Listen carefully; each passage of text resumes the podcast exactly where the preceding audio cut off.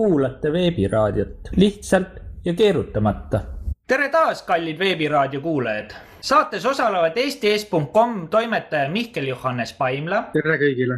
kirjanik, õpetaja, lasterikas maanaine Kati Saara Murutar. tervist. ERE programmi töörühma liikmed Kertu Luisk ja Harri Raudvere. tere, tere.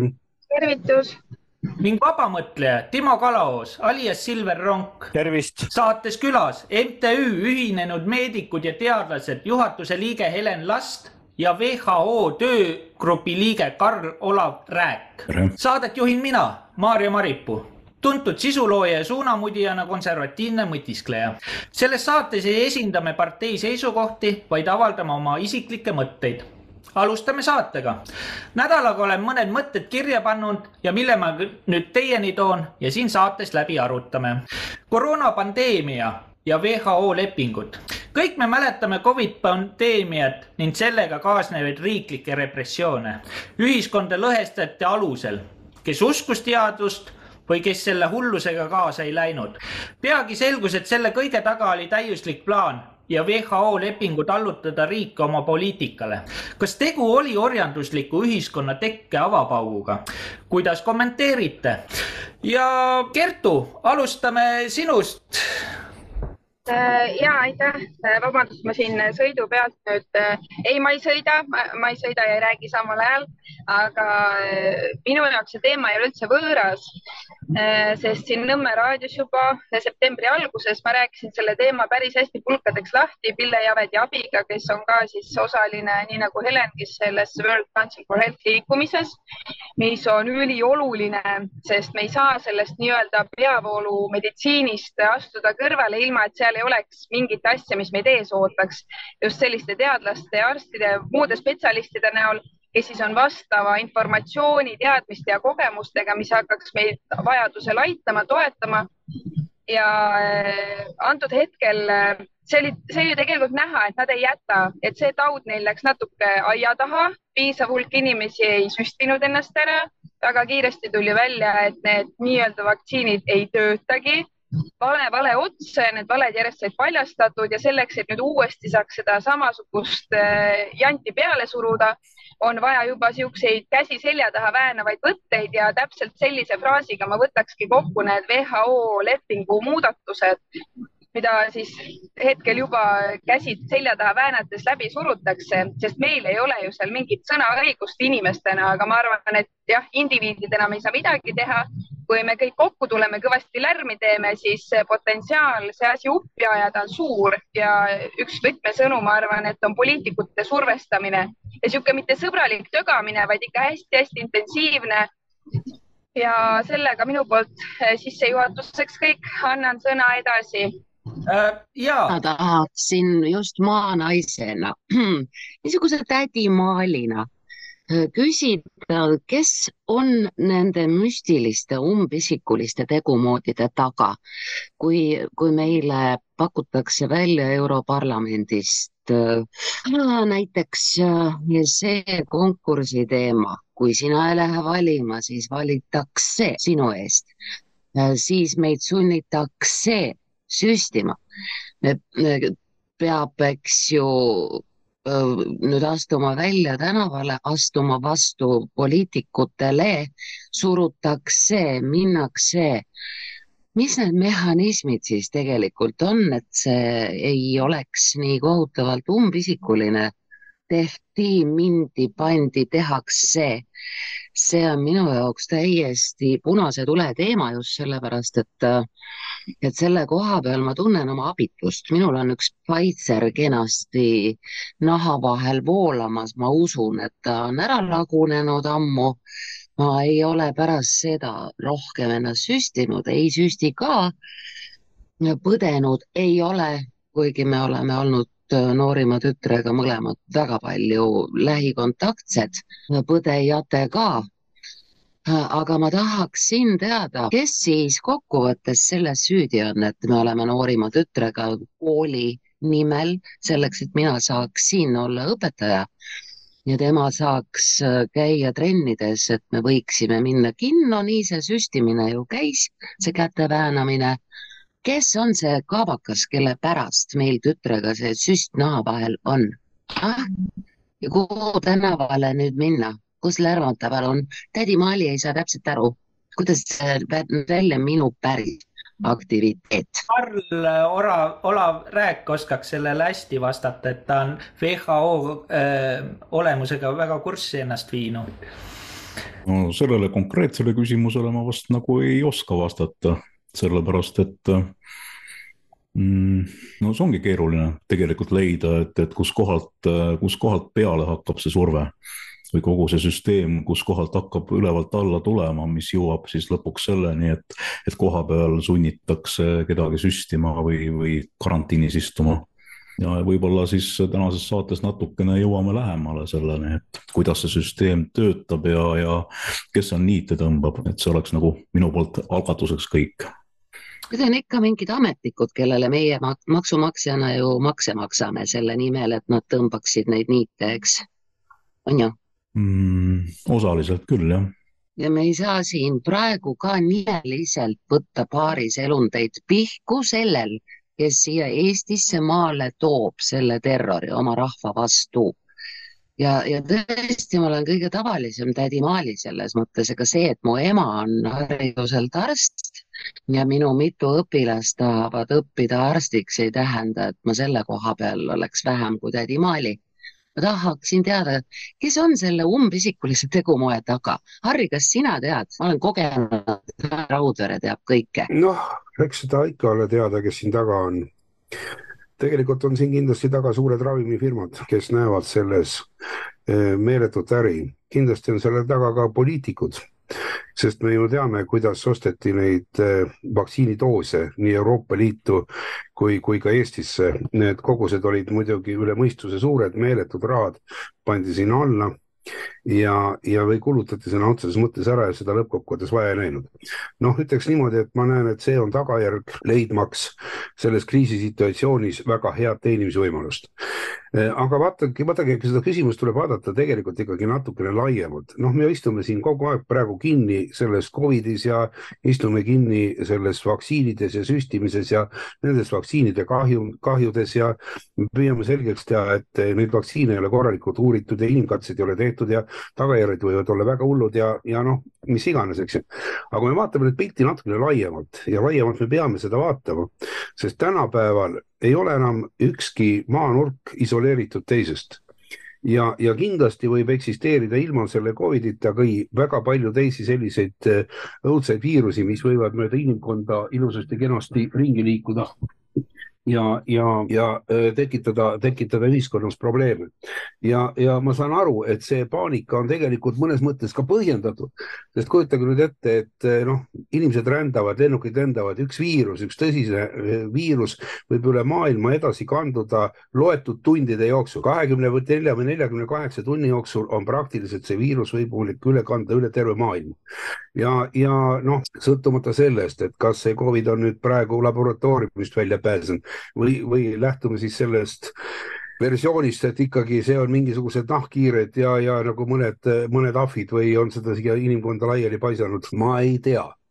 Seda ma ei tea ja vaevalt, et me seda kunagi ka teada saame, aga selle, selle ettevaatusabinõuna on tegelikult see küllaltki aktuaalne, see on nüüd ühelt poolt. teiselt poolt, kui me nüüd vaatame, kuidas eh, meie liberaalne ühiskond, see kapitalistlikult imperialistlik liberaalne ühiskond ära kasutab selliseid pandeemiaid enda hüvanguks, siis loomulikult selline lähenemine iseenesest tekitab õõva ja, ja küsida, et kes nüüd on, esiteks eh, oleme nüüd ausad, me räägime nüüd nagu meist, aga nii mitmedki teised riigid, kes jätsid ju sanktsioonid oma rahva vastu kasutamata Rootsi, Valgevene, mis nad on siis nüüd kõik maha surnud või, või viimse inimeseni hävinud või? No ei ole ju noh.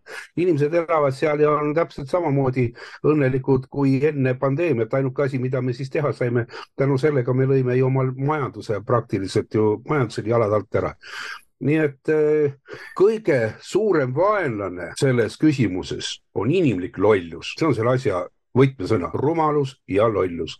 Ja, ja muidugi ka ahnus ja kõik muud sellised äh, negatiivsed asjad, milleks, äh, mille vastu hoiatab meid kümme käsku. Helen Lastne kuidas sina kommenteerid, te tegite ka oma MTÜ ühinenud teadlased ja meedikud. ja et äh, sa mõtled kogu seda Covidi olukorda või, või konkreetselt praegust situatsiooni, mida sa täpsemalt mõtled? Äh, mõtlen seda praegust situatsiooni ja võid ka täitsa vabalt äh, rääkida, mida sa üldse sellest Covidi teemast arvad, aga praegu oleks tegelikult oluline, WHO oleks kõige olulisem nagu inimestel teada lepingud. ja et ühinenud meedikud ja teadlased tegelikult tulid kokku siis, kui oli Covidi, ütleme, esimene, esimene pool, see oli september kaks tuhat kakskümmend üks et äh, siis kaks aastat tagasi täpselt ja nüüd meil on tegelikult veel uus MTÜ, mis on siis rahvusvaheline, mis on see World Council for Health mis on siis Maailma Tervisenõukogu nii-öelda, kus on siis äh, täpselt sellised MTÜ-d nagu meie meedikud ja teadlased, olime siin Eestis ja oleme siin Eestis, siis üle maailma on selliseid MTÜ-sid hästi palju olnud ja selliseid gruppe, teadlaste gruppe, arstide gruppe, äh, õpetajate, haritlaste gruppe, et äh, kes nagu nägidki täpselt nii nagu Harri ütles ka siin, et, et see kogu see Covidi äh, hüsteeria ja paanika, et see ei olnud ainult mitte tervise aspektist nii-öelda kogu meie, meie elu kahjustav, vaid see oli nii majanduslik kui hariduslik kui, kui noh, ütleme kõik kogu inimese eluvaldkondi haarav, haarav kahjustus tegelikult. ja see on ka see, miks, miks ütleme sellise, selline selline ühendus nagu see World Council for Health tegelikult loodi ka täpselt samamoodi aastal kaks tuhat kakskümmend üks suvel tegelikult juba. Ja sellega nüüd on ühinenud palju riike, praegusel peaks olema neljakümne riigi ümber. Ja, ja järjest-järjest tuleb sinna juurde, nii et see rahvusvaheline koostöö on hästi suur. Ja, ja sealt see WHO tegelikult teadlikkus on ka meieni jõudnud, sest ega noh, me täna saame aru, et kui me nüüd selle kirja seitseteist oktoober saatsime Riigikokku ja ja mõnele ministeeriumile, peaministrile ja õiguskantslerile, siis me saame tegelikult aru, et ega meie riigis ei olegi reaalselt selle sisuga mitte keegi vist tegele, tegelenud, mis on meie jaoks nagu täiesti šokk ja üllatus selles mõttes, et äh, kuna tähtaeg, esimene tähtaeg kukub esimene detsember, mis on meil siis kümne päeva pärast enam-vähem või, või viieteist või ma ei teagi, mis, mis, mis noh, kahe-kolme nädala pärast et, et meie riigis polegi selle sisuga veel üldse tegelema hakatud mis on nagu selles mõttes ikkagi väga-väga pettumust valmistav ja see on ka see, miks me seda häirekella siin nagu lööme niimoodi, et, et, et on viimane aeg nagu üles ärgata ja hakata asjaga tegelema, sest eh, ega mitte keegi teine seda meie eest ei tee. ja, ja meie oma seal ütleme sellises äh, rahvusvahelises töögrupis olemegi aru saanud, et, et need kuupäevad on tegelikult olulised ja nendest kuupäevadest ei räägita ja see sisu on oluline, seda sisu ei ole avaldatud eh, ja rääkimata sellest, et oleks eesti keeles need dokumendid kuskil saadaval. et on jah, ingliskeelsed seal WHO kodulehel küll kuskil olemas, aga eestikeelseid dokumente meil ei ole siiamaani tegelikult olemaski, seda on kinnitatud ka Sotsiaalministeerium. ja, ja see teadlikkus on tegelikult ühiskonnas olematu ja, ja meie noh, see on nagu väga lihtne, ma arvan, et nagu teie puhulgi, et kui ta, kui te teate mingit infot ja see info on eksistentsiaalselt oluline, siis oleks kuritegu seda infot kinni hoida ja mitte sellest nagu teavitada neid, neid äh, ringkondi, kes sellest peaksid teadma. Ja antud juhul me, me saame kindlasti siia natukene nendesse punktidesse sügavamale sisse minna siin diskussiooni käigus. Um, no mis ma, mis ma oskan siin öelda selles mõttes, et meie oleme enda poolt teinud ära selle dokumendi kokkuvõtte, eh, pannud selle eesti keelde, toonud ära väga originaali lähedaselt nende punktide tõlked, eh, mis, eh, mis on siis nii-öelda meid ohustavad. Ja selle me oleme ka siis esitanud oma ametlikus dokumendis, et me meelega ei muutnud neid lauseid kuidagi, ei modifitseerinud, et need ongi need laused, et mis me, mis me oleme välja toonud oma dokumendis, ongi originaali väga sarnased, et me meelega tegimegi seda niimoodi.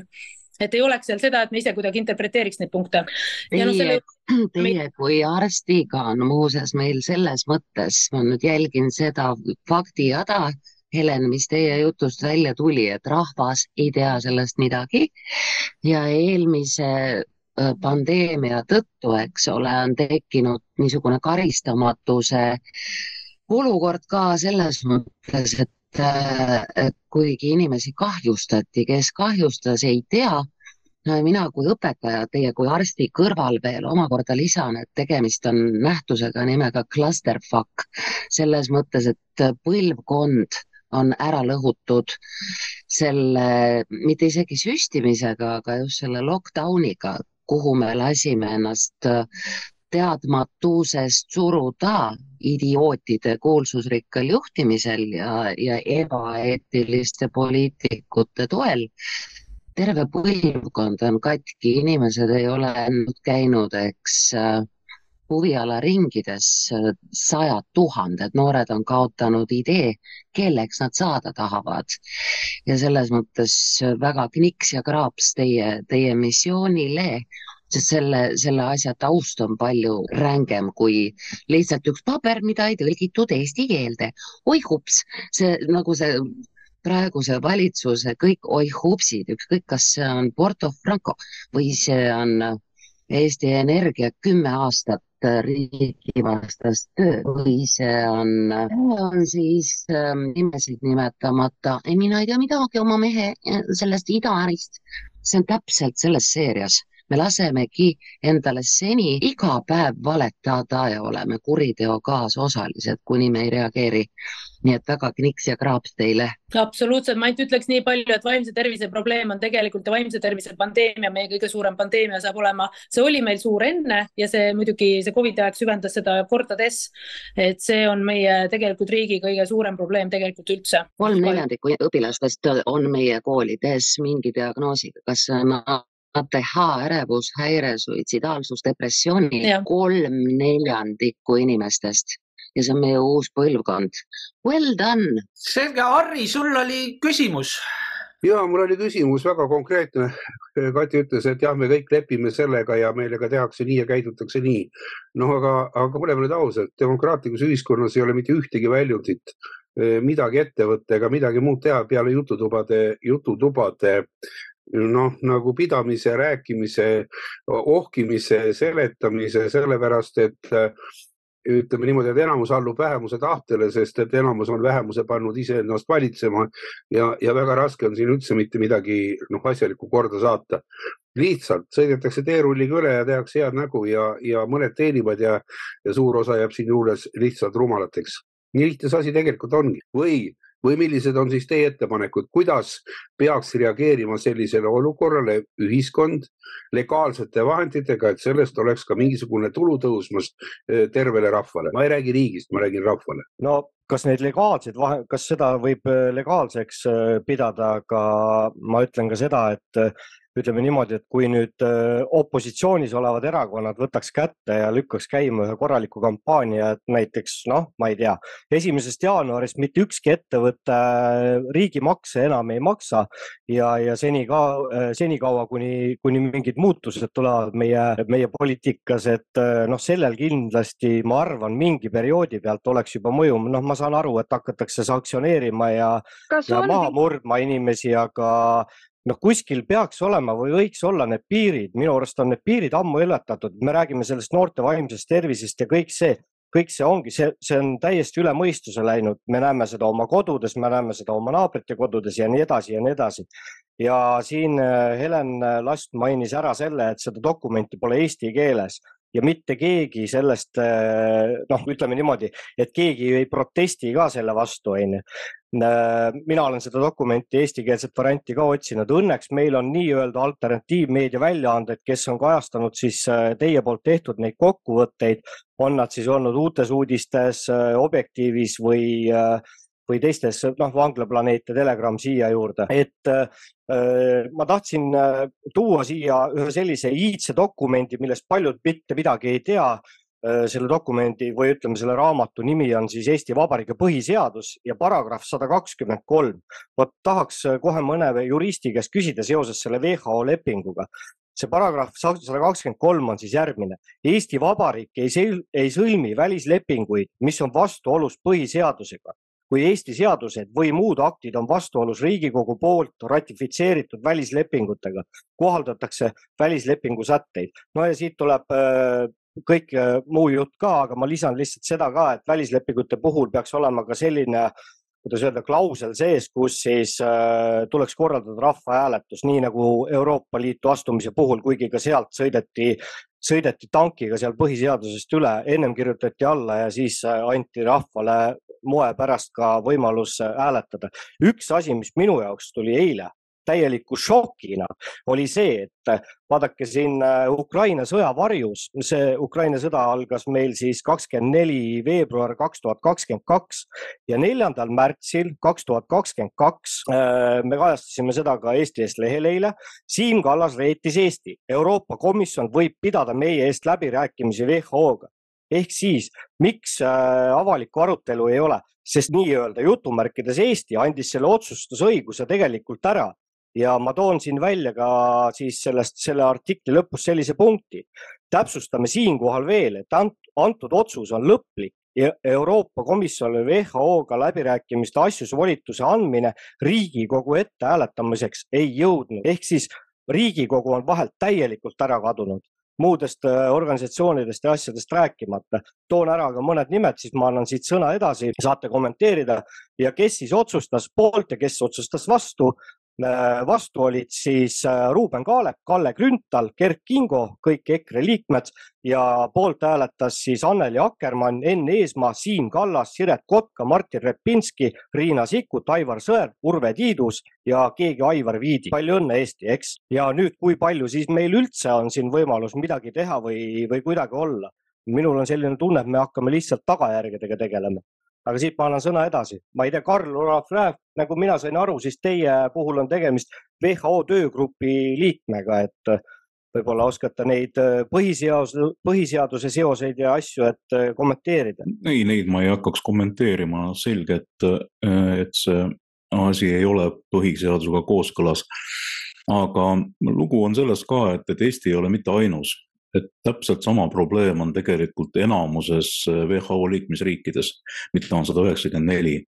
et kogu seda WHO muudatust asja aetakse võimalikult vaikselt ja salaja ja, ja põhjus on ilmne, sellepärast et, et need eh, muudatused eh, on määratud jõustuma nii, et kui riigid mitte kuidagi ei reageeri, siis nad on vaikimisi nõustunud kõigega see tähendab, et see vaikus üleüldine massimeedias on, on kasulik selle lepingu sõlmijatele. ja, ja selle. mismoodi muide, Karl Olav, olete te märganud seda vaikimist kutsutakse esile loomulikult hirmutamisega ja seda tehakse stiilis, et nagu need kümme kastet, mis omakorda võrreldes siis Brüsseli seadustega mitte midagi ei maksa ja, ja on täiesti mitte miski see rahva tahe. kas see on põhiseadus, millest kolmandik on tõeliselt rahvavastane või siis on, on jutuks praegu rakendatavad oma rahvast hävitavad eelnõud äh, igal juhul käitutakse umbes nii, et aga Moosesele kõrbes anti need kätte, nüüd on nii. tegelikkuses ju äh, paratamatult inimene ehmatab ära, kui ta tunneb, et ta on üksi. Ütleb Hannes Võrno, ütleb Harri Raudvere, vot ei maksa. Ja siis kohe säutsub keegi kuskil, et ja aga siis tulevad täiturid, äh, siis tulevad sanktsioonid, su konto pannakse kinni sulle ei panda enam palka sinna ja siis sul ongi kõik asjad kubeme kanalisse tagasi tõmbunud, sest sa oledki selle Mosese käsu laua all jälle lapiti maas. mis võiks olla nüüd siin selles äh, külmas kliimas ometi see asi, mis tooks meil sada tuhat ja kaks tuhat inimest tänavale, seda ei juhtu ju. kuidas me siis meelt avaldame, kuidas me saame olla kindlad, et vot mina ei maksa ja, ja sina ei maksa ja sina ka ei maksa, et ma ei ole üksi seal selle Moosese käsulaua all. kui tohib, et siis ma Timole võib-olla siia ütleks täienduseks seda lihtsalt, et äh, ja et mis puutub sellesse Euroopa Liidu äh, sellesse mm, komisjoni ja euro, sellesse ähm, nende välisasjade komisjoni sellesse üleandmisesse. ja mis on praegune seis, on tegelikult see, et me võib-olla isegi siis nagu olemegi lootnud selle peale, et Euroopa Liit teeb meie eest selle asja nii-öelda ära ja me ei ole sellesse sekkunud, aga nüüd on tegelikult see, et tegelikult on iga riik peab ikkagi sekkuma ja see õigus ja vastutus on tegelikult igal riigil siiski endal. Ja võib-olla see on ka see koht, mida me ei olegi üldse ära tajunud, sest me kujutasime ette, et Siim Kallas andis Euroopa Liidule ja seal toimetatakse toimetatakse ja seal on nüüd toimetatud, toimetatigi terve eelmine aasta ja pandi siin uued punktid kirja sellesse leppesse. seal on kaks lepingut, üks on IHR, International Health Regulations, mis on siis terviseregulatsioonid ja teine on siis see nii-öelda pandeemialeping. sinna pandi uued punktid sisse. Ja nüüd ongi see koht, et kuna need eelmine aasta mai tehti ja pandi sisse sinna, siis on kaheksateist kuud igal riigil. Ja iga riik peaks siis selle kaheksateist kuu jooksul ütlema, kas tema on nende lepingu punktidega nõus või ei ole nõus ja, ja siis on seal veel mingid klauslid, et, et siis need lepingu uued punktid hakkavad kehtima siis mingi aja pärast. et siis see aeg ka lüheneb, et kui me nüüd ei teata, et siis see aeg lüheneb meil kas kaheksateist kuult kümnele kuule ja siis äh, ongi see, et kui me ei ei teata nii-öelda, et me ei ole nende punktidega nõus, siis nad lähevad meile nagu automaatse nõusolekuna.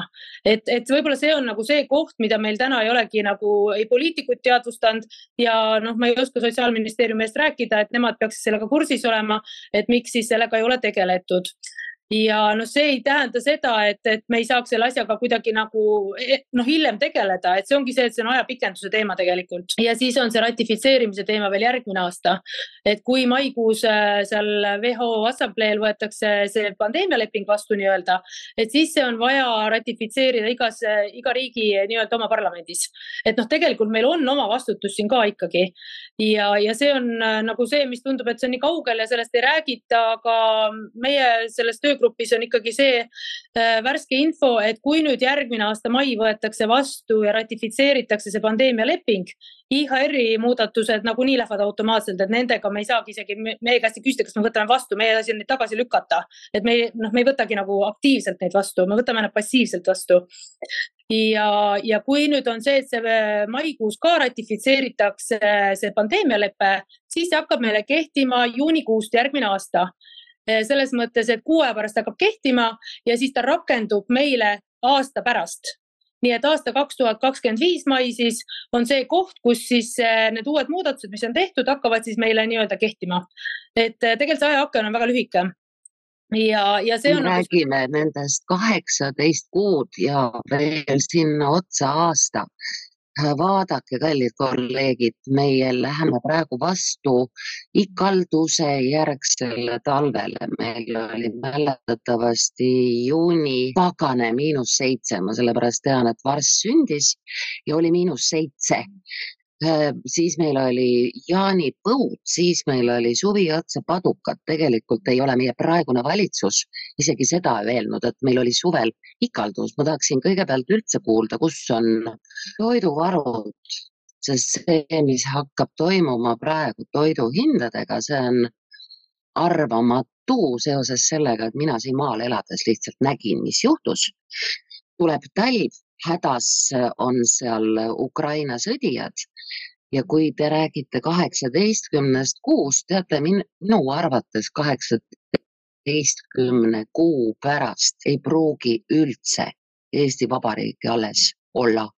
kui me laseme endaga praegu järjest niimoodi käituda, eh, meid ei teavitata ikaldusest, valitsusel puudub igasugune kriisiprogramm siis äh, meile kogu selle infotulva otsa meid eluliselt puudutavaid pabereid üldse ei näidata. me tagantjärel saame teada, et me astusime Euroliitu. kaheksateistkümne kuu pärast, Helen, me saame teada, kuhu me jälle astusime, aga see ei pruugi üldse olla enam Eesti Vabariik, kes siis kuhugi astub. jah, on metsikult pikk aeg praegu. jah, see tundub jah pikk, aga noh, tegelikult ongi see, et me peame ikkagi mõtlema natukene tulevikule, et me ei saa päris öelda, et me, et me lõpetame eksisteerimise kaheksateist kuu pärast, eks ju et äh, jah, et äh, kui on täpsemaid küsimusi, siis saame mõned küsimused veel noh lahti võtta ja äh, hoiame seda teemavookust nii-öelda WHO ja, ja nii-öelda selle koroona teema puhul aga nii, Kertu, käsi püsti. Äh, ja ma tahtsin Timo seda ettepanekut natuke, äh, natuke vastu vaielda, see idee, et siis ettevõtted, ärge makske makse, see raha teema ei käi ju nii, nagu meile esitletakse, et maksa makse, siis oled tubli. me maksame makse selle jaoks, et meil oleks vähem raha riigil on täitsa suva, palju raha neil on või ei ole, kui äkitselt, oi jah, meil on seitse miljardit puud, täitsa lõpust ta jäi, ei tea. et äh, see on lihtsalt üks selline tsirkus. nüüd meil ei ole raha, nüüd me peame sealt, sealt, sealt neid asju kärpima ja pole välistatud, et kui need ettevõtted tulevadki kaasa, hakkavad täitma oma kodaniku kohust, ehk siis kui nähakse, et meile korraldatakse sigadusi, mis hävitavad eestlased ja Eestimaa, siis me streigime me ei ole sellega nõus, me ei maksa makse, me ei sponsoreeri iseenda ahju ajamist. Ja siis tuleb valitsuse ette keegi järgmine tädi, noh, Kajas ilmselt enam ei ole peagi, aga täpselt sama süüdimatu pannakse asemele, kes ütleb, kuna siin on sellised, kes makse ei maksa, siis sotsiaal valdkond kannatab, me peame toetusi vähendama, on ikka kohutavad eestlased teil seal ümberringi. Ja jälle mingi lõhe kasvab inimeste vahel ja see, et kuidas inimesed isegi ei tea, mida, millega nad nõus on, needsamad, kes, kelle valdusesse on antud need ingliskeelsed materjalid, et näed, teie nüüd tutvuge, teie, see on nüüd teie valdkond, nad ei pruugi arugi saada, mida nad loevad. Riigikogu ehe näide, neile tulevad ju metsikutes kogustes dokumente, mida nad selle aja vältel mitte keegi läbi protsessida ei suuda, aga hääletama peab ja hääletamine ei ole see, et ma hääletan nii, nagu on õige siis kogu selle seeditud info põhjal, vaid sinna pannaksegi hääletusprotsesse läbi viima, otsuseid tegema just need, kelle puhul on teada, ta ei mõtle, ta hääletab nii, nagu selle paberiga antakse see dokument, nii vaata, siin on see dokument, see on nüüd sinu valduses, formaalsus on täidetud, vastus tuleb see, on selge, jah, on selge, et see on selline suur tsirkus ja mu eesmärk ei ole ka öelda seda, et anname alla, viskame pikali, tõmbame mulla peale, vaid äh, siin on mingi alternatiiv ja ma arvan, et alternatiiv selle aluseks võib olla puhtalt see, et mina mõtlen, teie mõtlete ja propageerimegi mõtlemist, et kui järgmine hetk me olemegi olukorras, kus öeldakse, et nii WHO-lt tuli nõue, kõik süstivad, ei süsti, lihtsalt pole enam nõus. Ja kui öeldakse, et nüüd on sellega seoses mingid sanktsioonid, mis siis, meil on mingid asjad, mis on tähtsamad mugavusest. ideaalis muidugi tahaks nii, et see lepe ei jõustukski, see täpsemalt need muudatused ja eh, kuna Timo, sa tõid välja ka selle, et meie põhiseadusega välislepet, mis ei ole kooskõlas, tuleb siis kohaldada meie põhiseadusega. ma arvan, et see on trumm, mida peaksid taguma kõik Riigikogu liikmed, meie esindajad, meie rahvaesindajad, aga nad ei tee seda ja seetõttu peame tegema seda meie ehk siis seesama fraas, mis sa ennast ütlesid, ma kavatsen seda hakata korrutama ja soovitan teistel ka, et me ei saa olla seotud välislepetega, mis lähevad vastuollu meie põhiseadusega. kui meie esindajad Riigikogus ei teadvusta seda, ei ütle seda kõva häälega välja, siis kes nad seal on, keda nad esindavad, ma annan sõna edasi. ja ma, ma, kuna minu nime mainiti, siis ma repliigi saan jah, nagu Riigikogus käib et äh, selles mõttes, et ega see on ka üks, äh, kuidas öelda, noh, üks mõte, mis tekib, et aga sellega ma küll nõus ei ole, et ega kui riigil kuskile rahalt pea, raha peale ei tule mingi perioodi, okei okay,, nad peavad vastu, et äh, aga kuskil, kuskil on ka nendel piir. noh, muidugi, kas, kui nad on seal poliitikas enda taskut täis ajanud, ega nemad nüüd nälga ei sure, aga ma mõtlen riigi toimimise koha pealt. aga see selleks ja selle mõtlemise ja sellega jah, et vot, et näed, et teised hakkaks ka mõtlema, et täna tuli just uudis, uus statistika sellest välja, kuidas meil suhtelises vaesuses elas möödunud aastal kolmsada kolm tuhat üheksasada inimest. see on ERR-i uudis, minge, minge tutvuge sellega, kallis rahvas et äh, kui sa, kui sa, kui sa päevad läbi ei suudagi või ütleme, ei, sul ei olegi aega mõelda millegile muule kui sellele, et kas sa oma maksud jõuad ära maksta, kas sul õhtul lastele süüa anda on. et üheksakümnendate alguses, äh, kui see Eesti Vabariik tuli ja minu isale öeldi, et kuule, et see karjalaud erastatakse ära, võta oma viis väntsa ja kao. et äh, väga raskeid aegu sai üle elada ja ütleme niimoodi, et see, kuidas praegu rahvas vireleb ja panna siin neid virelejaid mõtlema, no ma ei kujuta seda ette. lubati üheksakümnendate alguses kartulikoori süüa, suur osa rahvast on tänase päevani kartulikoori näost sisse ajanud. et äh, mina ei tea ka, kuskohast see võluvits on, jah, sellega ma olen küll nõus, sellised saated ja need asjad kõik on vajalikud, kõik see teadvustamise pool, aga jah, ma annan siit edasi, Harri võib-olla tahab midagi rääkida edasi siit. jah, vaata tegelikult ega me oleme ju, ju lausa aktsepteerinud seda, et Äh, Euroopa Liidu seadused ja Euroopa Liidu määrused, korraldused on meie põhiseadusest ülemad.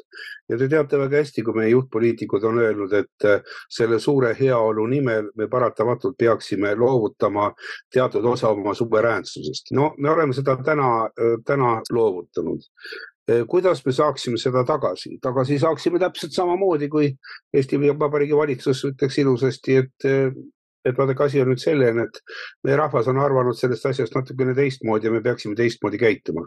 muide näiteks väga-väga võib-olla kohatu näide, aga väga hea näide minu meelest on see, et näiteks Venemaa uues põhiseaduses, konstitutsioonis on sulaselgelt ju välja toodud kohe lausa punktina, et äh, kui välis, välislepingud või, või jah, lähevad vastuollu äh, põhiseadusega, siis kehtib põhiseadus.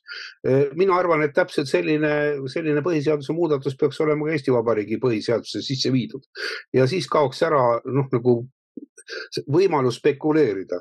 täna me ju teame, et äh, liberaalse maailmavaate kandjatele jaoks ei eksisteeri ju põhiseadus absoluutselt väga paljudes punktides, noh lähtume kasvõi sellest äh, valimiste korraldamisest, millised peaksid olema Riigikogu valimised ja siin on veel mustmiljon selliseid, selliseid punkte, millest lihtslabaselt sõidetakse üle. ja, ja tuua nüüd välja, et üks punkt on nüüd nii oluline või, või mitteoluline, see antud kontekstis ei ole, ei oma mingit tähtsust. tähtsust omab see, kui tõesti on äh, rahva tahe fikseeritud just nimelt sellises formulatsioonis, et, et Eesti Vabariigi põhiseadus on ülim kõikide välislepingute suhtes.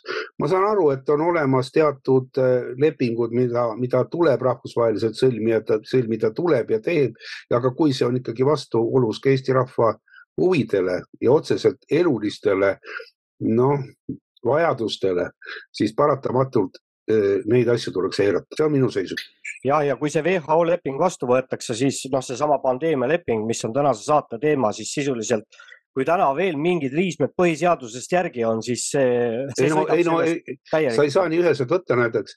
sellisel juhul meie valitsus on ju delegeerinud Euroopa Liidule nende küsimuste lahendamise ja läbirääkimiste pidamise no kas sa saad aru? ja Aga kui meie on... siin praegu ütleme, et meie ei tea midagi, siis selle peale keetakse õlgu, et te ei peagi teadma, sest te hääletasite Euroopa Liitu astumise poolt ja Euroopa Liit teie eest neid asju teebki.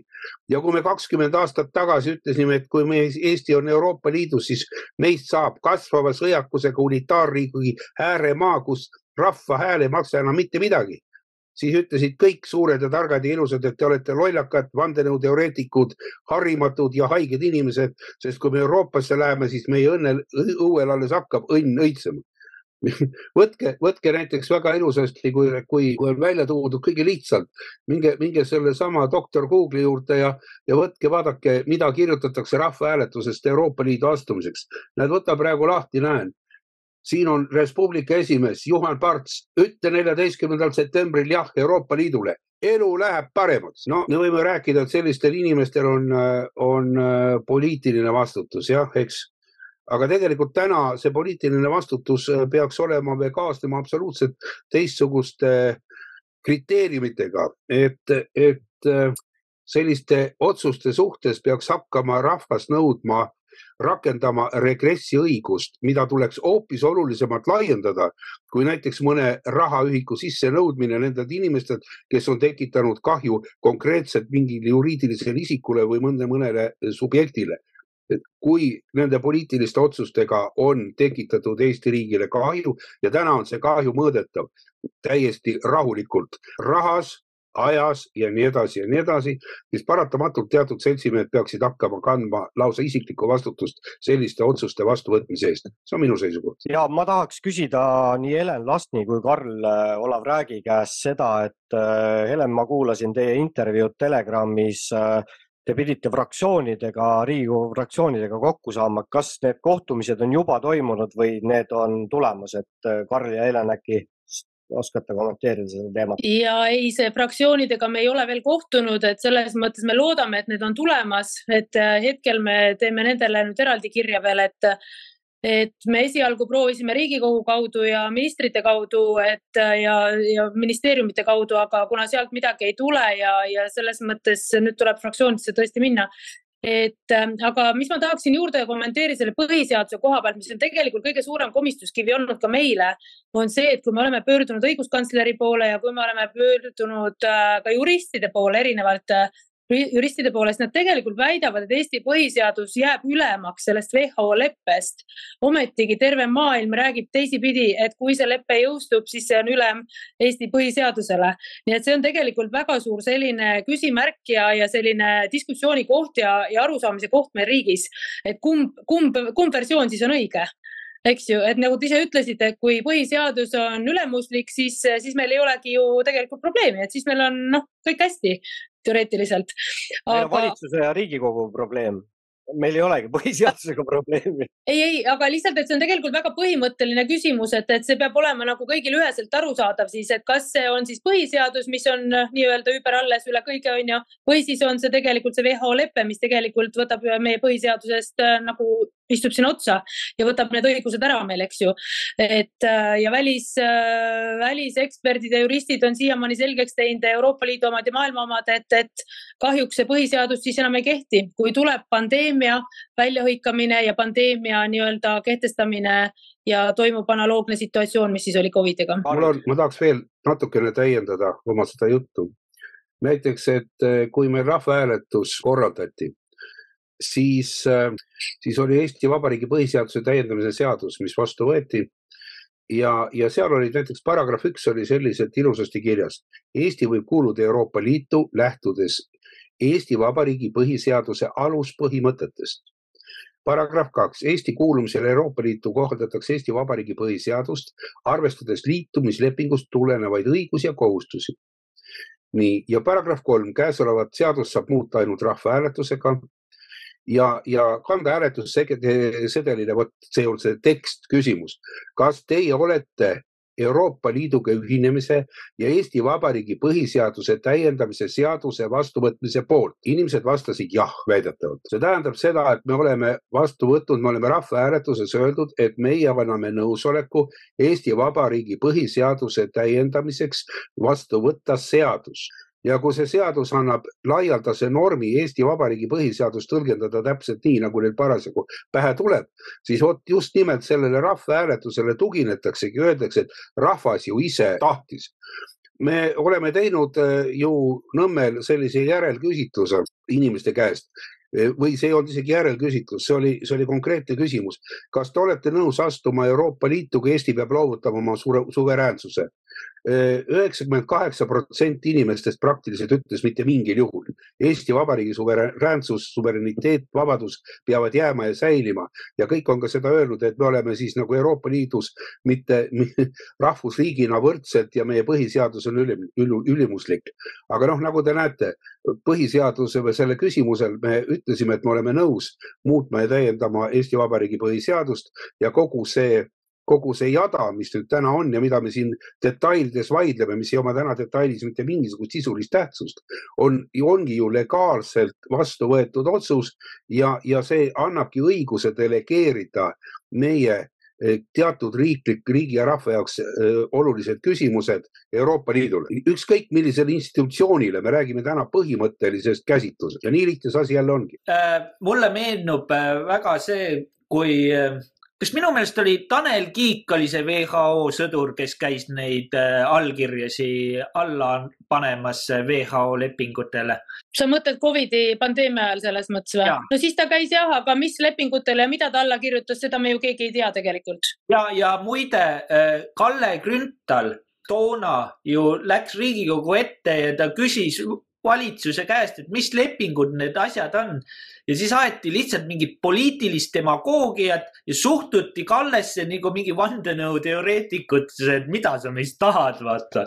aga nüüd on nagu see tulemus käes. no kui nüüd rääkida alustuseks just sellest äh, pandeemia, pandeemia lepingust, siis äh, tuletaks siinkohal meelde, et äh, sellega hakati ettevalmistust tegema tegelikult juba vähemalt oma viis, viis mitte neli aastat tagasi, et kes oli tookord nagu see tervise- ja tööminister, kui oli see Ratase esimene valitsus, kus juba hakati pinda sondeerima? seesama Riina Sikkut, kes on praegu ka terviseminister, nii et temalt oodata, et ta hakkaks äh, inimeste heaolu eest seisma. oi, ärge seda nüüd küll lootke, et meil tuleb endal see õigus jalule seada. aga nüüd äh, rääkides nagu kahe tuhande kahekümnendast aastast, siis äh, see oli minu meelest üks esmaspäevane oktoobripäev, ilus sügisene, kus Jüri Ratas läbi veebisilla allkirjastas WHO juhiga äh, kokkulepet digitaalse kontrollühiskonna tekkeks ja nädalapäevad hiljem allkirjastas ka Tanel Kiik vastavat lepingut ja vaat Tanel Kiigega on veel see huvitav lugu, et tema oli ju alguses sotsiaal ja siis tervise- ja tööminister kokku siis üle kolme aasta ja kaks tuhat kakskümmend üks, kaks tuhat kakskümmend kaks oli temal ju volitus käia WHO aasta koosolek mis toimusid reeglina seal äh, maikuus, seal kevadeti. nii et äh, ta pidi suurepäraselt teadma, millised plaanid on äh, tuleviku sees seismas. ja nüüd rääkida siin sellest Siim Kallase asjast, et ma vist mäletan, oli see enne märtsi valimisi, mõned päevad enne, sai artikkel selle kohta kirjutatud, et neljas märts kaks tuhat kakskümmend kaks Siim Kallas oli see, kes meid reetis ja koos kaheksa sabarakuga, kes Euroopa Liidu asju komisjonis otsustasid, et nii, me anname nüüd Eesti õigused WHO küsimustes Euroopa Komisjonile.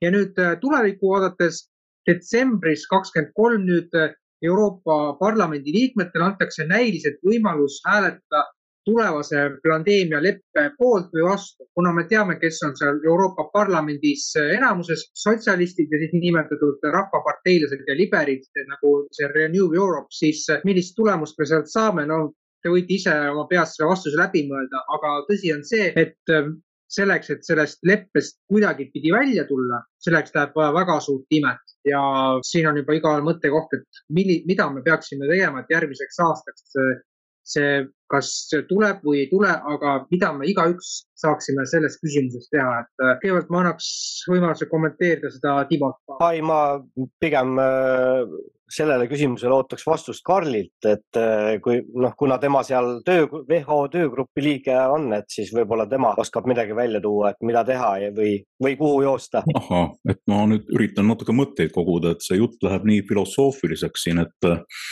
et tulla tagasi nüüd selle pandeemia leppe juurde, et, ähm, et siin oli jutt ähm, mõtlemisest. Ja minu meelest üks, üks esimesi asju, mis tuleks nagu, nagu päriselt selgeks saada, äh, on see, et, et väga paljud inimesed, kaasa arvatud ametnikud, äh, võtavad WHO-d nagu sellist ideaalset organisatsiooni, nagu ta kunagi loodi et WHO loodi peale teist maailmasõda sellist äh, kõige õilsamate loosungitega. ja, ja, ja arvatakse, et see organisatsioon on siiamaani õilis selline tervise ja inimeste heaolu eest seisev organisatsioon aga siin ma tooks ka näite Rootsi riigiga, et Rootsi riik oli meie jaoks samasugune äh, õitsengu ja, ja heaolu äh, sümbol, vähemalt nõukogude ajal ja no umbes viiskümmend aastat tagasi, noh, Rootsi oli selline tõeline õnneriik. aga Rootsi riik muutus siis, kui, kui võimu võtsid ähm, sotsialistlikud või vahem, vahempoolsed jõud. Ja Rootsi riik muutus, muutus nagu, nagu selle endise vastandiks isegi, et nüüd ta on selline vägistamisparadiis ja pommid lõhkevad ja tänavatel käib lahing. Ja umbes samasugune areng on toimunud ka rahvusvahelistes organisatsioonides nagu ÜRO ja, ja selle allorganisatsioon WHO. et, et üks, üks raske asi nagu selle praeguse pandeemialeppe vastu olemisel on see, et, et inimesed nagu suhtuvad nii, et, mis mõttega te, mis mõttega te sõdite, et see on ju tegelikult niivõrd hea organisatsioon, et täiesti rumal on nende, nende vastu olla kuidagi et, et noh, punkt üks on see, et tulekski aru saada, et, et see organisatsioon ei ole seesama enam. et ta on ikka tõeliselt kurjade, kurjade mõtetega. ja vot siin oli, oli üks küsimus või, või kõlas see, et me ei tea, kuskohalt äh, viirus pärit on.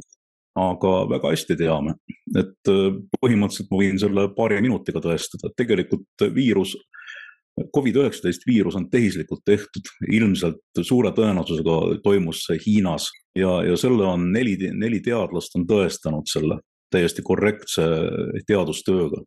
et sellele esialgsele äh, nahkhiire Covid viirusele oli, oli sisse istutatud inimese viiruse või inimese geenilõik ja, ja kui need teadlased hakkasid uurima seda, seda lõiku, kellelgi tuli geniaalne idee, et otsida, kas seda, kas sedasama äh, sisse torgatud koodijärjestust on kusagil kasutatud. ja nad tegid äh, siis sellises spetsiaalses äh, Blast nimelises andmebaasis otsingu ja leidsid täpse vaste.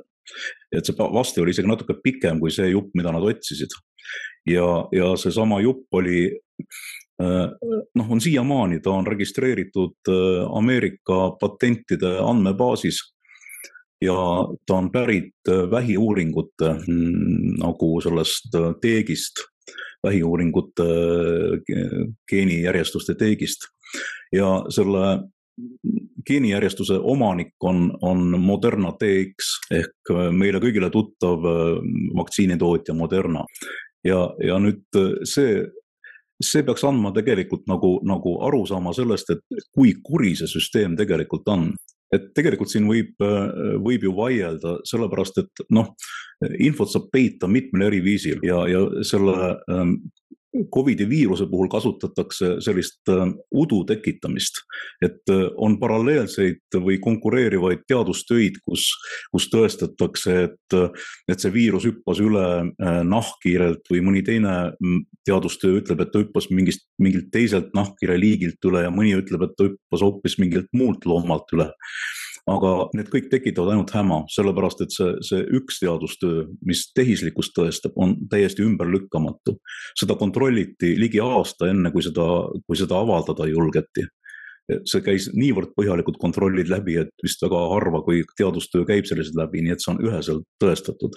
aga kui me paneme need asjad kokku nüüd, et, et on WHO, kes nüüd nende uute pandeemialeppe muudatustega tahab saada õigust määrata kõikidele riikidele, milliseid vaktsiine nad peavad ostma.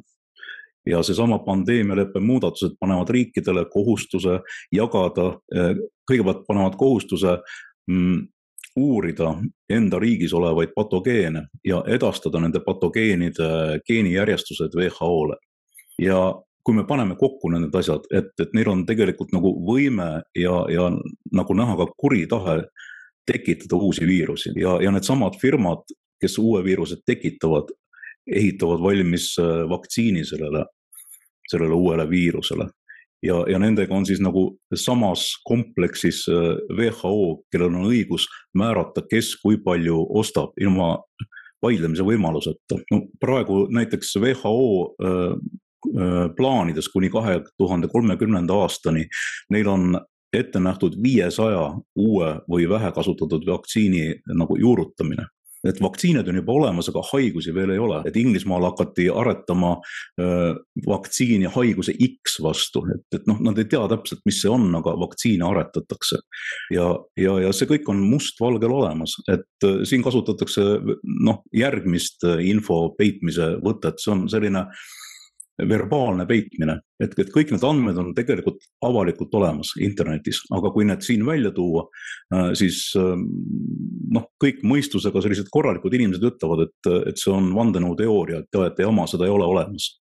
aga noh, mida rohkem ja mida varem inimesteni nagu see teadmine jõuab, et, et tegelikult WHO on nagu suhteliselt kuri organisatsioon, kes tahab saada endale absoluutset võimu ja kusjuures absoluutne võim on veel noh, jälle dokumentides kirjas, et see ei ole mitte nii, et, et sellel organisatsioonil on absoluutne võim, vaid absoluutne võim on sellel peadirektoril ühel inimesel, et mitte ühelgi inimesel ajaloos, ühelgi türannil ei ole olnud sellist võimu, nagu tahetakse praegu anda sellele ühele, ühele inimesele. et noh, jälle võib öelda, et, et see on vandenõuteooria või, või see on liiga fantastiline tõsi olla, et me mõtleme välja asju, nagu see mustvalgel kirjas seal ja see peaks inimesteni jõudma. jah, mina olen nüüd nii vandenõuteoreetik, et mina väidaks, et see WHO algusest peale oli mingi selline et prooviti seal Natsi-Saksamaal seda Eugeenia ajada ja siis mõisteti, et okei okay,, see kukkus nüüd uppi. ma ei tea, kas see Nürnberg oli nii Nürnberg, nagu meile väidetakse, et jah, seal mõistetigi hukka, kui arvestada, et ma ei tea, kas see vastab tõele, ma ei olnud ju seal, aga suur hulk neid nii-öelda süüdimõistetuid viidi üldse Ameerikasse ära, et nad seal oma teadust edasi ajaksid. see WHO minu niisugune vandenõuteoreetiku aju ütleb, et see võis olla lihtsalt suitsukate, et hakata ajama nüüd, nüüd me teeme seda asja, et enam mitte kunagi pahasid asju ei saaks toimuda, et ajalugu ei korduks ja sellesama kattevarjus ja muidugi samal ajal tulebki teha siis ka neid häid asju, et inimesed usuksid, et see organisatsioon on nüüd selleks, et oleks parem ja tervislikum ja turvalisem, aga reaalsus oli midagi muud, see on nagu tänane poliitika, tehakse häid asju, vaadake, tegime selle koolimaja, selle lasteaia, et oleks iluasjad inimestel tore vaadata, soe tunne, aga mis samal ajal toimub, samal ajal aetakse nendele lastele X aineid sisse, mürgitatakse, tapetakse. et see ongi lihtsalt niisugune ärauinutamise jaoks ja võib-olla ma teen liiga, võib-olla need inimesed algselt, kes selle WHO lõid, tegidki seda heast südamest, soovist head teha. mina sellesse väga ei usu, sest need suguvõsad, kes on siin ajanud seda niisugust Äh, jah, äh, maailma valitsemise asja, neil on kogu aeg mingid mutrikesed, kogu aeg töö käib. meie asi on olla igal sel, igas sellises heatahtlikus momendis valvel, mis seal taga tegelikult on ja see WHO teema on ju ehe näide, meiesugused äh, oskavad juba läbi näha, et kuulge, kuulge, kui võetakse ikka see ära ja see ära, siis see väljavaade ei ole hea. suur hulk inimesi äh, mõtlevad ehk siis ei mõtle maru hea, keegi kuskil otsustab, keegi kuskil teeb ja ma, ma ei näegi siin mitte mingit muud lahendust kui lihtsalt mitte ära väsida jätkata sedasama rääkimist, korrutamist, pinda käimist ja eh, pidevat ka niisugust paranoilisust natuke, mitte üle võlli paranoilisust, aga lihtsalt kogu aeg olla ärkvel, et äkki see on jälle mingi trikk.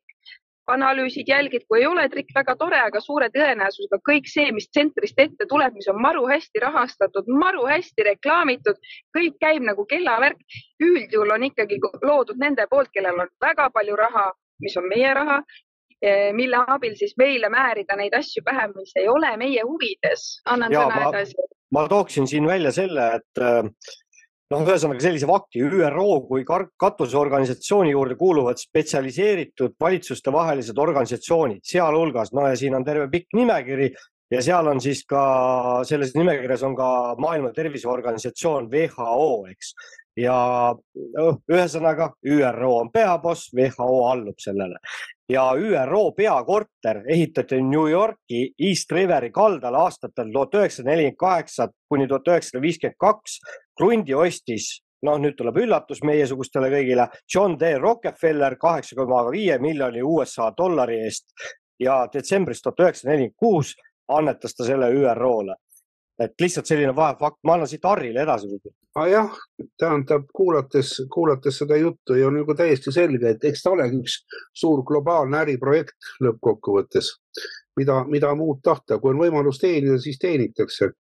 ja, ja just seesama vaktsiinide ostmised ja need kogused, mida, mida tehti, tehti või kui palju raha kulutati ja kui palju ravimifirmadele maksti, räägib iseenda eest ja ega siin pikalt me ei saa rääkida vandenõuteooriatest täna, kallid inimesed, see ongi vandenõu, see ongi vandenõu ju praktiliselt kogu inimkonna suhtes, sest need, needsamad, eh, kas nüüd just päris need, aga lähedal seisvad isikud on ju sulaselgelt välja öelnud, et, et inimesi on maakera peal liiga palju ja neid tuleb vähemaks saada. Ja, ja kindlasti sellepärast mõeldaksegi kõikvõimalikke piiranguid, et ohjeldada rahva juurdekasvu siin maamunal, sest et mitte ükski liik ei saa lõpuni kasvada.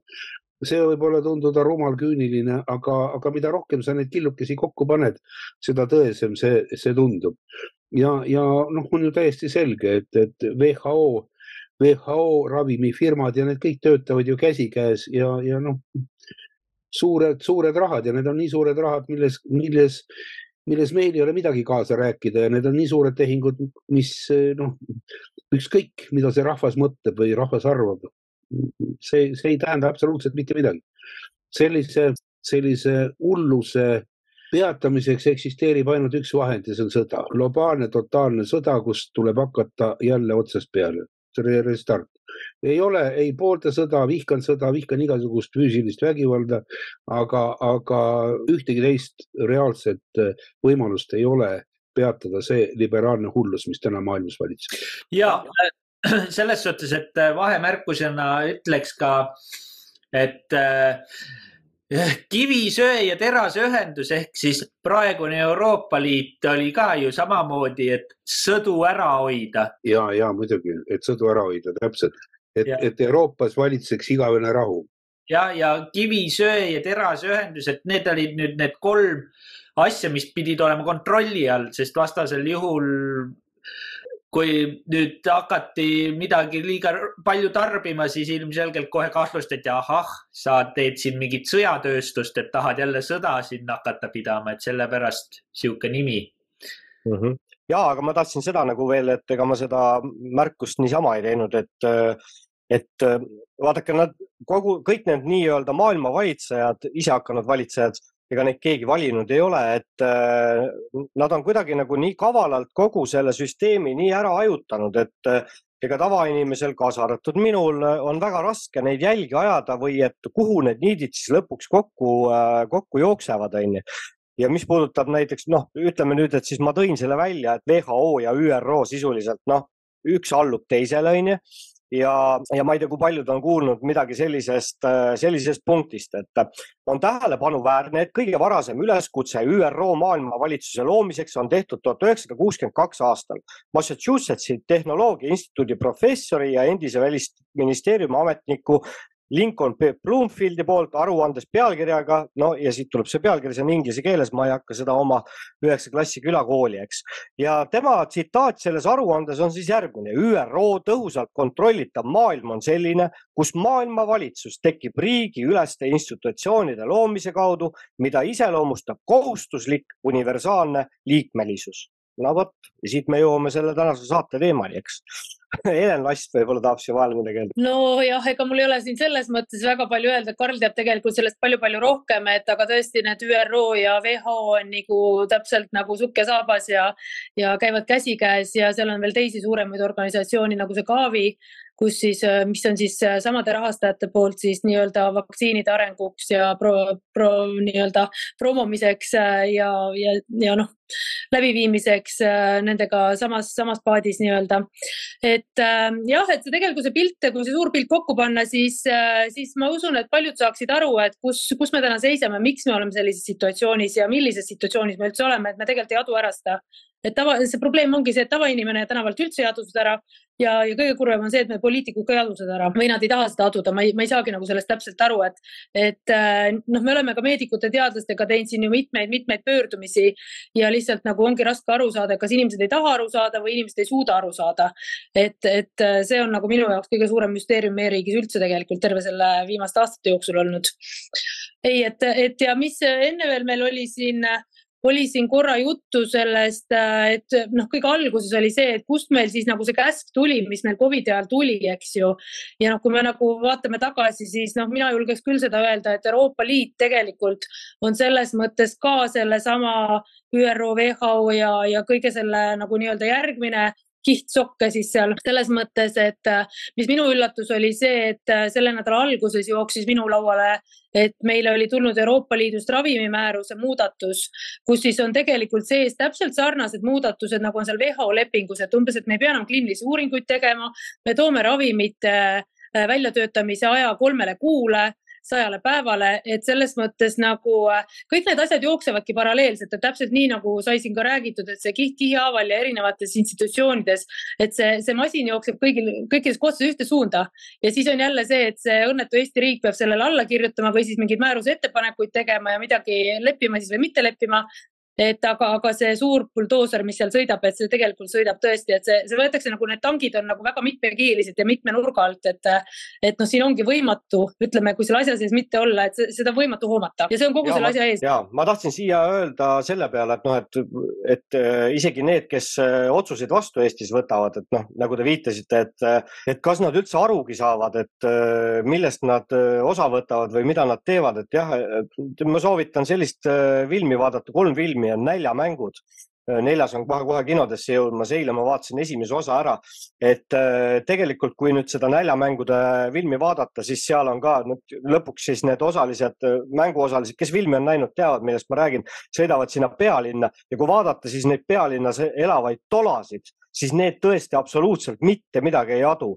ja, ja, ja kuskil on üks härra, kes on tõesti tark kes juhib kogu seda, kogu seda süsteemi, aga, aga mis oli selle filmi nagu ütleme, selline hea point oli see, et, et muutusteks ei olegi palju vaja, kui see, et üks-kaks inimest tekitavad need muutused, et astuvad korraks sealt äh, rajalt maha maatriksist välja ja, ja hakkavad toimuma muutused. et äh, noh, ütleme ka see noh, ajaloost äh, vaadates, kui palju neid inimesi oli, kes nii-öelda siis jutumärkides Eestile vabaduse tõi või kes neid, palju neid vabadusvõitlejaid oli, ega neid ei olnud palju käputäis inimesi ainult. aga Harri, sa vehkisid kätega siin vahepeal. ja, äh, tahtsin öelda jah seda, et äh, ütlete, et inimesed ei saa aru. no ja kui ei saa aru ja kui nad ka saaksid aru, mis selleks, mis sellest muutuks, absoluutselt mitte midagi. Te küsite, kas meie poliitikud saavad aru? no ma olen kuulnud meie peaministri suust Riigikogu kõnepuldis sellist ütlust, et teatud teemad meie riigis on erakondade ülesed noh, kui niimoodi öeldakse, et meie riigis on mõned teemad erakondade ülesed, no siis võite kindlad olla, et et ka need teemad, millest me täna räägime, on nii erakondade ülesed kui ka riigiülesed ja need käsulauad tulevad kõik äh, põhimõtteliselt mujalt. üksikisiku roll tänas, tänases ühiskonnas on praktiliselt olematu, sellepärast et võib-olla jah, tõesti kunagi või, või teatud suletud süsteemis võis see, see toimida. täna üksikisiku roll ei, ei ole määrav, sest peavoolumeedia kujundab arusaamisi, arvamusi, vaateid, kujundab ideoloogiat ja, ja täpselt nii on, nagu peavoolumeedia maha rahva lõikab, nii seda ka parasjagu, nii seda ka parasjagu käsitletakse ja nii ta ka on. ja, ja midagi ei ole parata, kui enamus meie kallitest kaaskodanikest siin Eestis eh, lähtuvad sellest, et see, mida räägib Aktuaalne Kaamera ja mida räägib peavoolumeedia, see ongi meie jaoks absoluutne tõde. et eh, meeldib see meile või mitte, aga me näeme seda peegeldust inimeste suhtumises, inimeste käitumises, nii et väga-väga raske on midagi nagu teistsugust arvata.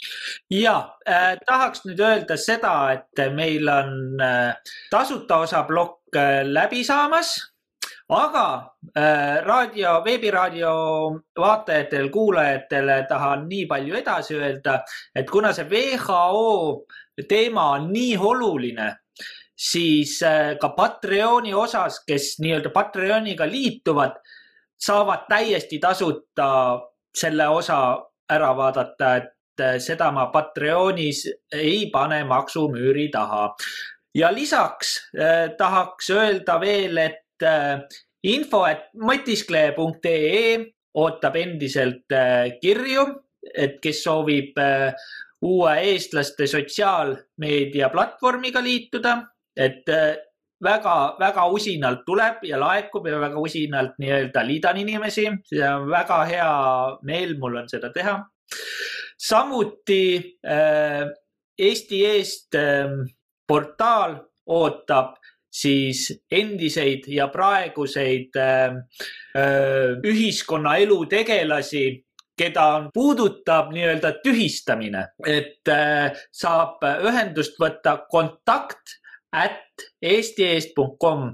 kontakt on siis nii-öelda äh, inglisepäraselt, kõik ilusti jookseb siin all äh,. Äh, et saate selle üles kirjutada ja, ja kirjad teele panna aga mis ma siin siis ikka oskan öelda, et äh, aitäh, kallid sõbrad, et meid kuulasite. järgmine kord taas teiega ja siis juba uute teemadega. saade kuulatav Kagu ja Nõmme raadios ning kindlasti külastage meie Patreoni fänni, fännilehte patreon.com kaldkriips veebiraadio, veebiraadio siis kaksis V-ga, kus kuulete saate lindistuse täisversiooni. kõike head ja nägemist. nägemist. nägemist. nägemist. nägemist. kuulasite veebiraadiot. külastage kindlasti ka meie uudisteportaali www.eestieest.com